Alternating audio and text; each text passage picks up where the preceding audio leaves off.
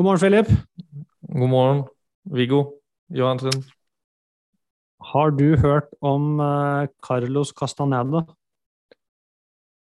Eh, nope, det har jeg ikke. Nei, det hadde jeg ikke trodd heller. Er for at jeg Men, er så ukunnig? okunnig. Du er for ung, rett og slett. Ung, ja. Ok. Ja. Jeg tror ikke det er mange i din generasjon som har hørt om han, og kanskje ikke så mange i min heller.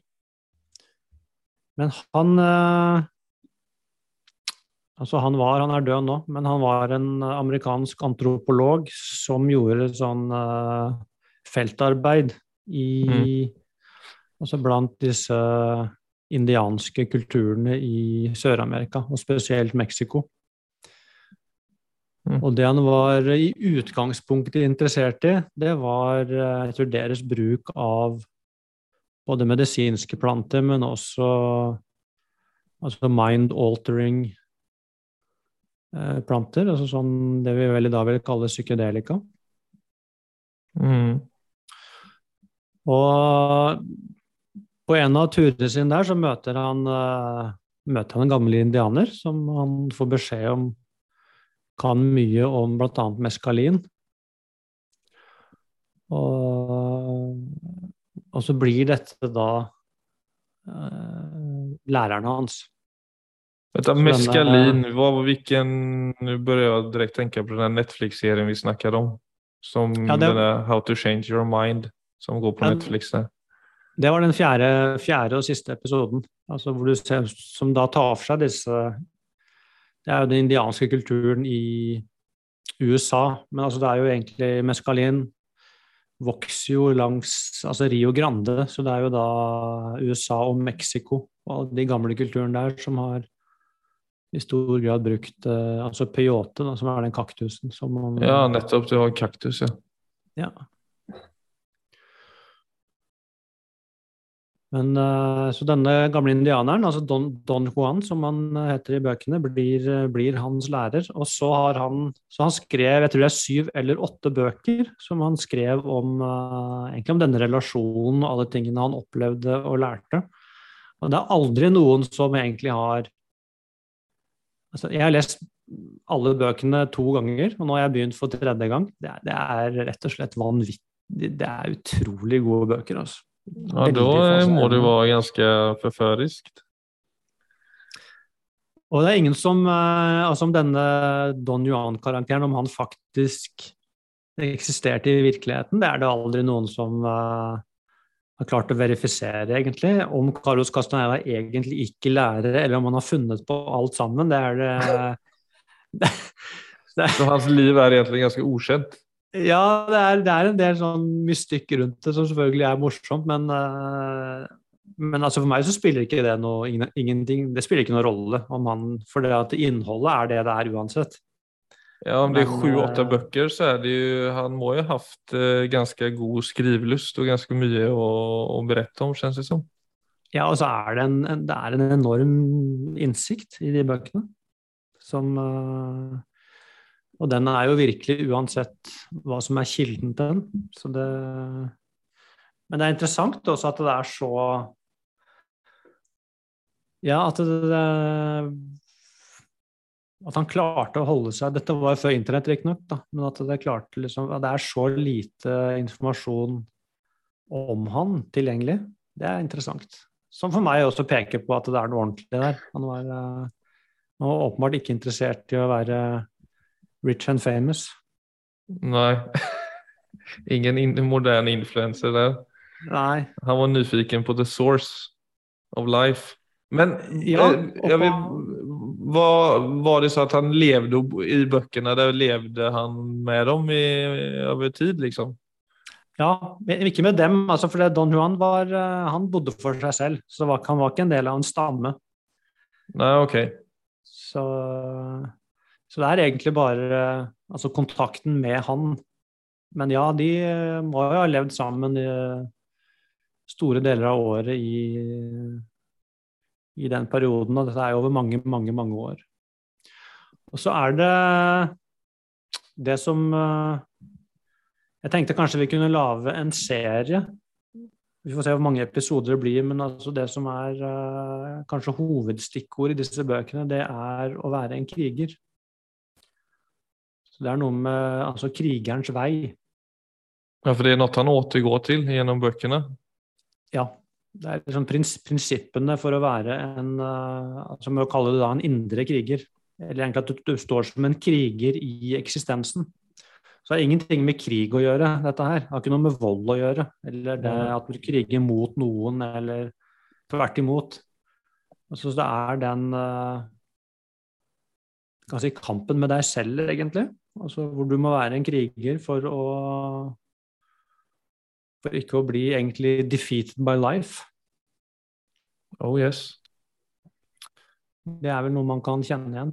Og, og som en uh, altså som en indre vei, eller bare kanskje en, en vei i livet, så er det mm. Det er en smak av uh, i disse bøkene på, og på denne veien som jeg tror er uh, er det mye å hente for oss moderne mennesker. For det er noe med den altså Ofte når vi snakker om indre vei, så er det jo det er meditasjon, og så er det det å finne ro og fred og mm. at, Helt supert, alt det greiene der. Mens, mens her er det mye mer den Altså mye mer rundt den uh, Altså kraften til å stå i livet. Altså en sånn no nonsense attitude. Med mm. Jeg elsker den det... mentaliteten. Vi har snakket litt om det tidligere, det være en krigare. Jeg husker en av, et av våre möten som vi også husker veldig starkt når du sa det til meg, att du må, du må våga å se verkligheten i vitögat. Ja. Som også var en parallell utifrån det å være en krigere. At du tør å se på verkligheten slik den er. Ja. Og det var også et sånt genomslag i det for meg. At jeg må liksom se ærlig på meg selv. Og jeg ja. må å lytte på min sanne røst, tross at jeg er belarmet av frykt, liksom, i visse anseenden. Og ikke bare låta frykten ta over livet, om det er angst eller om det er tristhet med depression. Alltså, ja, den listan kan man gjøre lang, men det er jo noe vi ofte vet er riktig, men som er vanskelig å gjøre. For at det ligger så mye motstand framfor oss. Ja, og da trenger vi jo virkelig å komme i kontakt med vår egen altså personlige kraft. Så er det noe med å vite at den er der. Og det å Altså finne kraften til å reise seg opp når man har lyst til å bli liggende. Og, og klart, alt dette ligger jo i altså Personlig så vil jeg jo si at hvis jeg går inn og ser på altså prinsippene i buddhismen eller innenfor yogafilosofien, så, så, er det klart at det også innebærer å være en kriger, altså en indre kriger. Så det er egentlig de samme tingene der, men, men språket er ofte sånn at man får man får følelsen at det er soft. Og det er det jo mange som, har, som jeg har hørt via altså den sånn mm. generelle oppfatningen Nei, mindfulness, er ikke, det, er ikke det litt sånn soft? Mm. Så du ser ikke hvor, som du sier, altså den Altså hvor vanskelig det er, og hvor mye det krever å være autentisk. Altså hvor mye det krever å tørre å se på seg selv med et ærlig blikk. Det krever alt av oss, faktisk. Vi må finne alle de kreftene som bor i oss, for å reise oss opp og se rett på livet uten å vike. Mm. Så, og det er for øvrig noe kan vi komme tilbake til, men altså det, det, det, snakker de også om i den første boka. Altså det første, det første hindringen en kriger må overvinne, det er frykt. Mm. Der, starter, der, starter, veien. Det er kampen mellom deg og frykten. Ja, for det finner du i alt. Ja, det tror jeg Det tror jeg er ganske universelt, ja. Tror du kan gå hvor som helst, så vil, så vil et menneske gjenkjenne, gjenkjenne det. Altså, frykt slipper du ikke unna. Så det er liksom bare å glemme. Men hvem som eier livet ditt, om det er deg eller frykten, det, jeg har ikke møtt noen i hvert fall hvor det ikke er uh, et aktuelt tema. Det kjennes jo som liksom, hvis det er noen som knakker på døren först så kanskje det er uh, herr eller fru frykt. ja, jeg tror nok altså, det er sånn frykten for å ikke være en god forelder, frykten for å mislykkes på jobb, frykten for å tappe ansiktet i et sosialt rom, frykten for å ikke få sove godt nok for at du skal ha en tid i morgen, frykten for at alt skal gå så jævla dårlig at du ikke orker å leve lenger. Altså den, den, den veien går på en måte, kan gå hvor langt som helst og ta oss egentlig, den kan ta med oss, ta oss i handen inn i alle felt. Absolutt. Og det er jo så mange Ja, nå lista du opp noen, da, men jeg tror vi kunne satt oss ned, så ville vi finne tusen Altså fryktens ansikter er så mange. Og vi er jo også engstelige altså vi er redde for forskjellige ting. Men frykt i seg selv, det kjenner, vi, det kjenner alle mennesker. Hva vi legger frykten på, der er det stor variasjon. Så, og bare det å kunne se altså frykt i seg selv, egentlig, hva er det for noe? Bare, bare stå med det. Jeg tror det er bra å starte liksom Hvorfor, hvorfor skjer dette med oss hele tiden? Ja, det, for det er jo interessant. Det er jo kjempeinteressant. Altså dette Og da er vi plutselig tilbake til dette med altså mennesket og eksistensen. Altså, Mm. Som jo er, det er utrolig fascinerende, dette med livet. Altså vi, det liker jeg godt med eksistensfilosofien, altså hvor de sier dette med vi er kastet ut i livet. Uten å blitt spurt. Altså, vi har ikke valgt det. så vær så god. Ingen sa at livet skulle være lett. Nei, det var det. Det er jo en forestilling man kan skape seg. Ja, det, ja den, og den visse, ser ut som altså, den ja, det er noe man gjør i visse deler av verden. da. Det er ikke i alle, alle länder man eh, har en liksom Hva skal man si? Det blir jo Jeg tror for min del så opplevde jeg vel at barndommen var såpass trygg at man tenkte ikke at det skulle være så mye motstand i livet. Nei. Det er problemet med en altfor trygg barndom. Det er at eh, når det plasteret blir revet av deg, så får du så sjokk. Ja, det å liksom ta vare på seg selv er jo bare sånn ok. Jeg hadde jo planlagt å bo i huset ved siden av mamma og pappa til jeg var 19 år, liksom. ja, det er veldig bra. Det er sånn Det er, en eh, liten stuge på en liten topp. Ja, nettopp. Men det er jo, Skandinavia er jo altså kanskje det stedet i verden hvor man kan tro ganske lenge at livet er som en Disney-film. Ja, det er jo bare å se på. det. Jeg snakket med en kompis når det her, hva heter det, covid eh, eh, Første dagen av covid-pandemien. Altså den totale paniske blikken man møttes av i de her Ica og Kiwi og menybutikkene. Av folk som altså Ja. Altså, men det er jo krig og det, är, alltså, det skjer ting rundt omkring i verden hele tiden, men når vi blir påverkade så er vi, så- vi är så ovana ved å håndtere en sånn kris. At det går, det, går, det, går en, det går en propp, liksom. Ja. Ja, det er, det er jo ikke Jeg tror når det kommer eh, når den altså Jeg skal kalle det en tanke eller en følelse, men det er vel begge deler altså, som jeg tror er ikke så uvanlig for oss. Det skjer et eller annet, og så responderer vi med at det var ikke sånn det skulle vært. Dette er feil. Det, Mm. det er interessante øyeblikk, for at det er akkurat som om vi hadde en kontrakt med livet. Ja, sånn har- skulle det være. Mm. hvor vi har visse rettigheter. Og da, så sto- Stoikerne det er jo på mange, de er krigere. Altså, og de sier jo da Et av de første prinsippene er at du har ingen rettigheter overfor eksistensen. Det er en, krig, det er en krigerinnstilling. Som høres veldig brutalt ut, men det er egentlig en utrolig Det er for å våkne opp. Altså våkne opp til, eh, til et faktum ved livet. Altså som eh, borger av Norge så har du mange rettigheter, men overfor eksistensen har du ingen rettigheter. Der må du være forberedt på at alt faktisk kan skje. For det gjør det. Og hvis ikke du er forberedt på det, så blir du bare vippet av pinnen med en gang. det skjer noe som ikke du har forventa. Så da Mm. er du allerede sovende.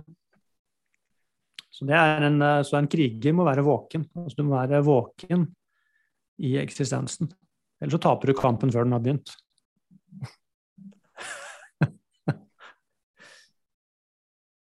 Jeg tenkte jeg skulle Altså, jeg har denne Jeg har med meg en bok i dag som heter eh, Den er av Carlos Castaneda og heter The Wheel of Time. Og Det tror jeg var den siste boken hans. Og det er en oppsummering av eh, alle de andre bøkene. Så det er små utdrag fra alle bøkene som da eh, Så du kan få liksom en, en sammenheng da, i hele Ja, ja, ja. Så det var det jeg tenkte vi kunne bruke som om vi lager tre, fire eller fem episoder rundt dette, så kan vi ta utgangspunkt i noen av disse korte avsnittene. Ja, Det er nice. Eh, og da er det ett av dem som jeg har funnet til i dag, som jeg syns er veldig bra. Hvor han skriver The basic difference between an ordinary man and a warrior is that the warrior takes everything as a challenge, while an ordinary man takes everything as a blessing or a curse.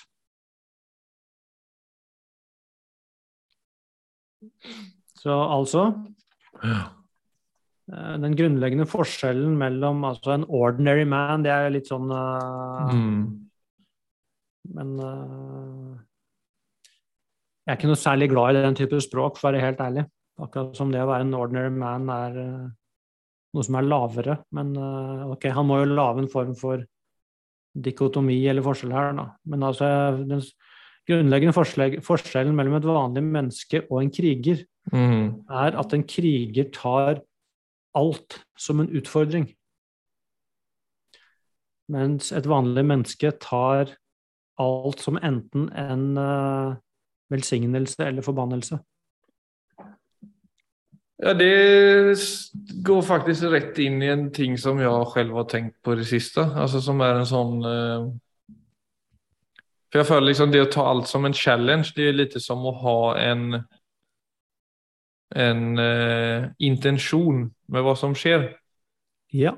Og det å ta allting som en blessing eller en curse, da tar du en mer sånn at du bare aksepterer omstendighetene, og så er det de som definierer om, om det er ljust eller mørkt.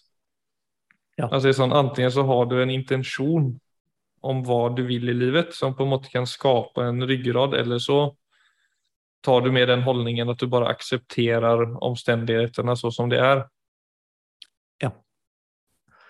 Det er en utrolig, det er et utrolig godt Det er derfor jeg valgte det utsagnet, for jeg syns det er et godt utgangspunkt.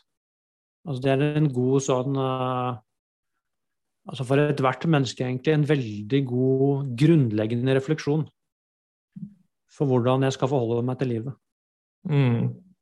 Ja. Og, og det må jeg finne ut av med meg sjøl. Altså for det det er noe jeg må ja, Jeg vil jo egentlig kalle det et valg. Altså det er et valg det går an å ta, og da sitter man på en annen måte i møte med livet.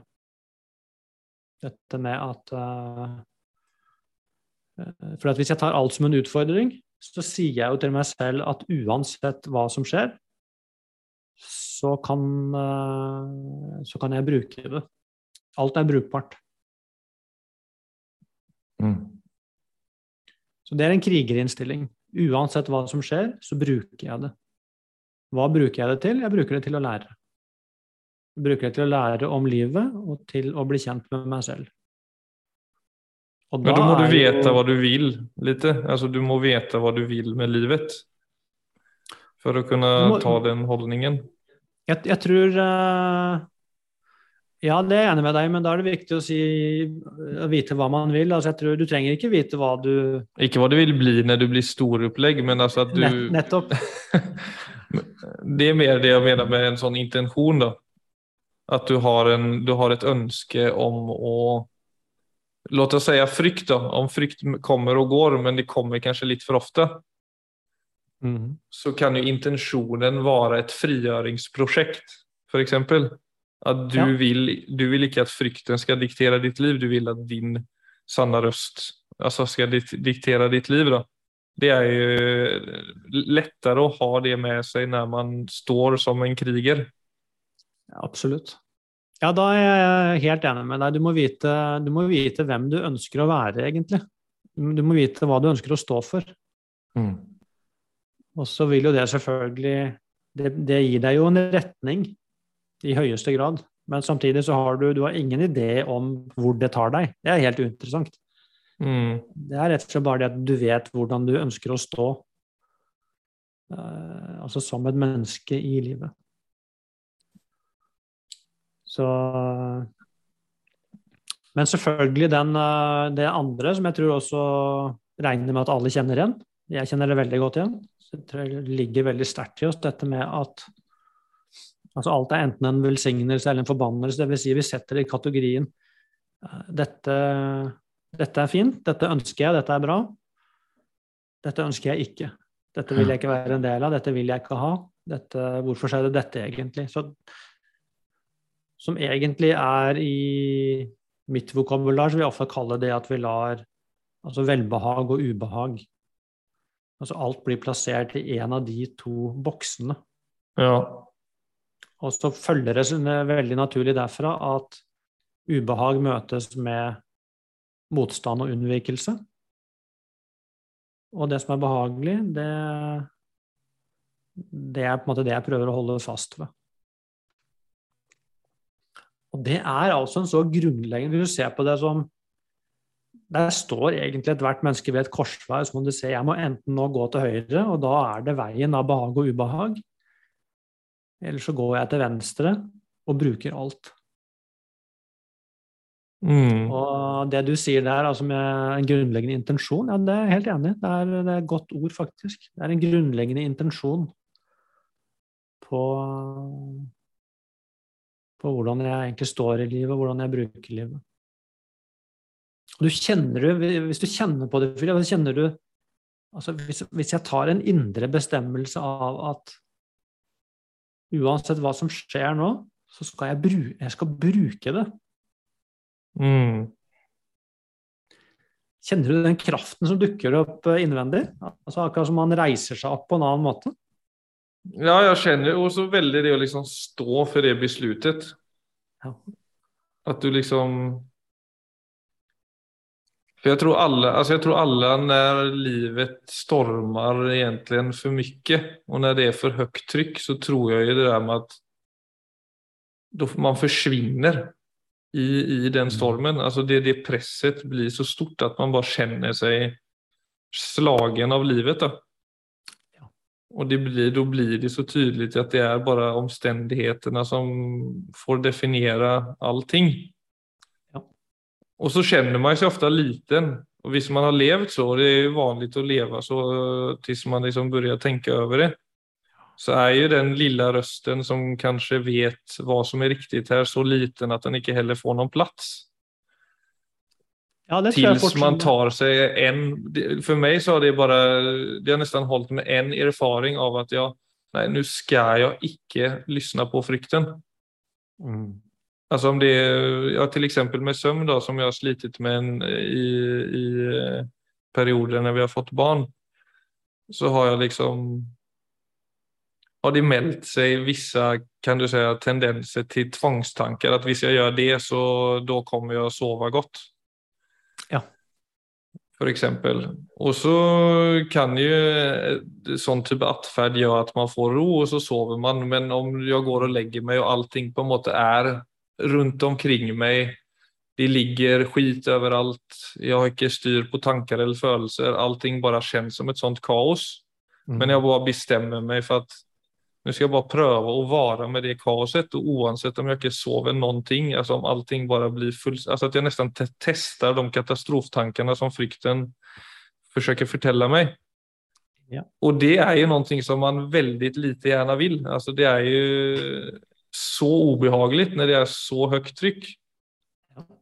Men om jeg da Og det har jo skjedd, da, at jeg har etter hvert sovnet.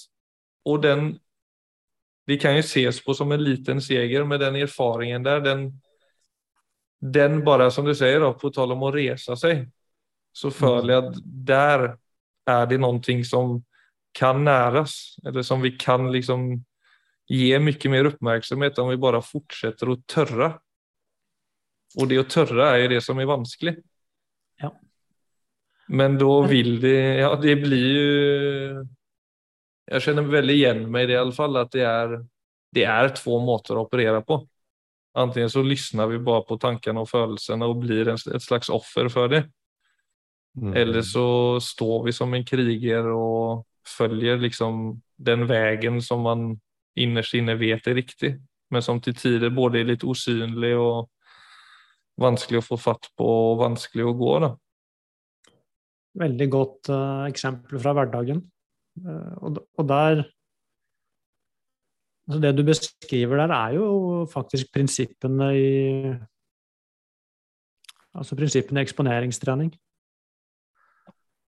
Som i høyeste grad er en krigerinnstilling. Altså hvor uh, og det er ikke noe liten ting. Ikke sant? det er, for det er som du sier, altså i altså Der hvor slaget står, det er jo det øyeblikket hvor alt flyter. Og det er en vei som gir deg umiddelbar trygghet. Mm. Uh, og så er det selvfølgelig gjennom erfaring at du vet hvis jeg bruker det, så, så er det egentlig bare fordi Altså, jeg, jeg, har latt frykten ta over. Ikke sant? Frykten gir meg da et øyeblikk av ro. Men jeg er egentlig i fryktens hender. Det er frykten som dikterer meg. Mm. Mens det motsatte å si For det, er jo der eh, Det er der vågestykket skjer. Det å si Ja, det får gå som det går. Jeg får, ligge, jeg får heller ligge her våken hele natten. Og det er der det går, det er den som er så vanskelig. For jeg tror folk som kan kjenne igjen seg i dette, og så som det også har vært for meg, er jo når det er vel Den frykten tar oss ofte til et sted som kan lede til døden. Altså, nå får jeg ikke sove i natt, og så mm. blir jeg så frynsete og rar dagen efter at jeg ikke har noen aning om hva jeg skal gjøre da. Og så får jeg ikke sove natten därefter og så mister jeg all kontroll og blir liksom helt disassosiert til livet. Og så klarer jeg ikke av å håndtere noen ting, og så leder det til døden. Ja. Og det er derfor så, så ja, det er sånn Ja, det er en natt, og du liksom skal stå imot frykten og tankene, og det kan låte litt sånn banalt, men det komiske er at den, den, linjen tar oss ofte til et sted som er de verste tenkebare. Ja, det er det det, er det alltid gjør. Det er, det er, eh, og det er jo helt reelt for oss der og da. Så det å si ja, får heller, det får heller være sånn, da. Jeg skal bli stående her, eller jeg skal bli liggende her. Det er klart det at når man først tar et sånt valg, og så og i tillegg da så går det helt fint, så, så er det klart det er jo ikke en liten seier. Det er jo et enormt det er jo en enorm seier. Mm. Og i den seieren, som du vel også sa, så ligger det et referansepunkt. Altså der ligger det en Ja, og det er jo kanskje også noe av det jeg vil kalle da personlig kraft. Altså der ligger det noe som kan brukes videre som et, uh, et holdepunkt mot det andre mm -hmm. som sier uh, Nei, vi gjør det sånn, for da får vi det da slipper jeg unna, egentlig. Veldig, veldig, veldig fint eksempel. Altså for å se hvor jordnært altså Disse prinsippene kan jo ofte høres litt sånn abstrakte og fine ut. altså Hva har det med søvnproblemene å gjøre? Men det er veldig godt, for det har, det har, alt med det å gjøre. Det har alt med hverdagsbekymringene mine å gjøre, og den dårlige selvtilliten min, og hva det enn måtte være. Det har med de tingene å gjøre, hvis du går til bunns i dem. Dette med å Men selvfølgelig så er det sånn alle mennesker ønsker jo å reise seg opp og stå der og si Kan du fylle brystkassen med luft og står overfor uh, ikke sant, egentlig det unknown, som jo livet er. Sier 'jeg tar det som kommer'. Sant? Jeg er rede.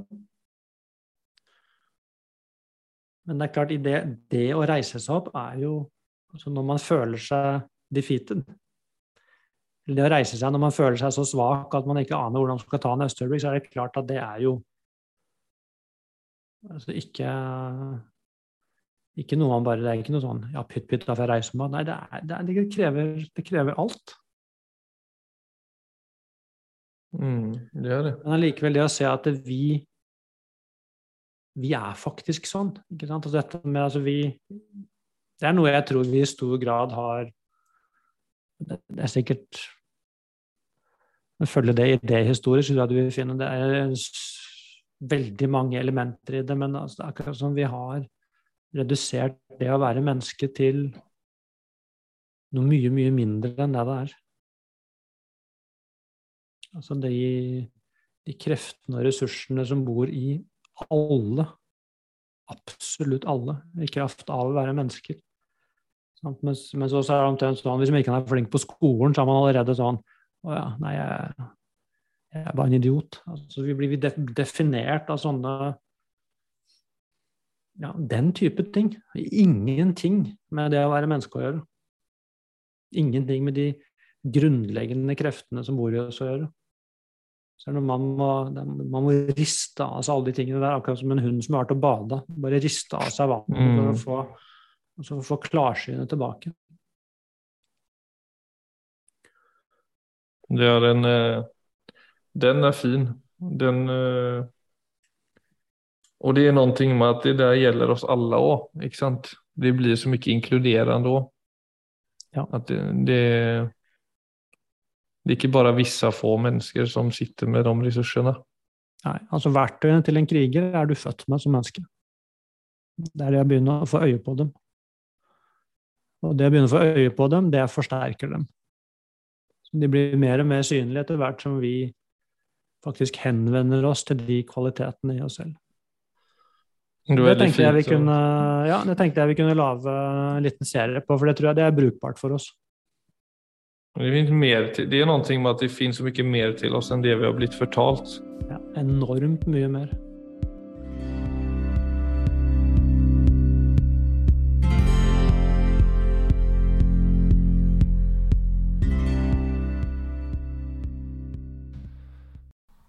Hei, Filip her. Efter mina tio år med mindfulness i livet och tre år som utbildad mindfulnessinstruktör så är det dags för mig att ta det jag har lärt ut till andra. Jag har startat en en-till-en mindfulness-praxis över Zoom och Teams. Här får du möjlighet att lära dig det mest grundläggande i mindfulness som jag tillpassat din specifika situation. De verktygen jeg lærer ut kommer hjelpe deg å komme i bedre kontakt med det du ønsker å se mer av i livet og redusere det som hemmer ditt potential. Besøk min hemsida flubbert.com under fanan mindfulness for mer informasjon og mine kontaktuppgifter. Hei, hej!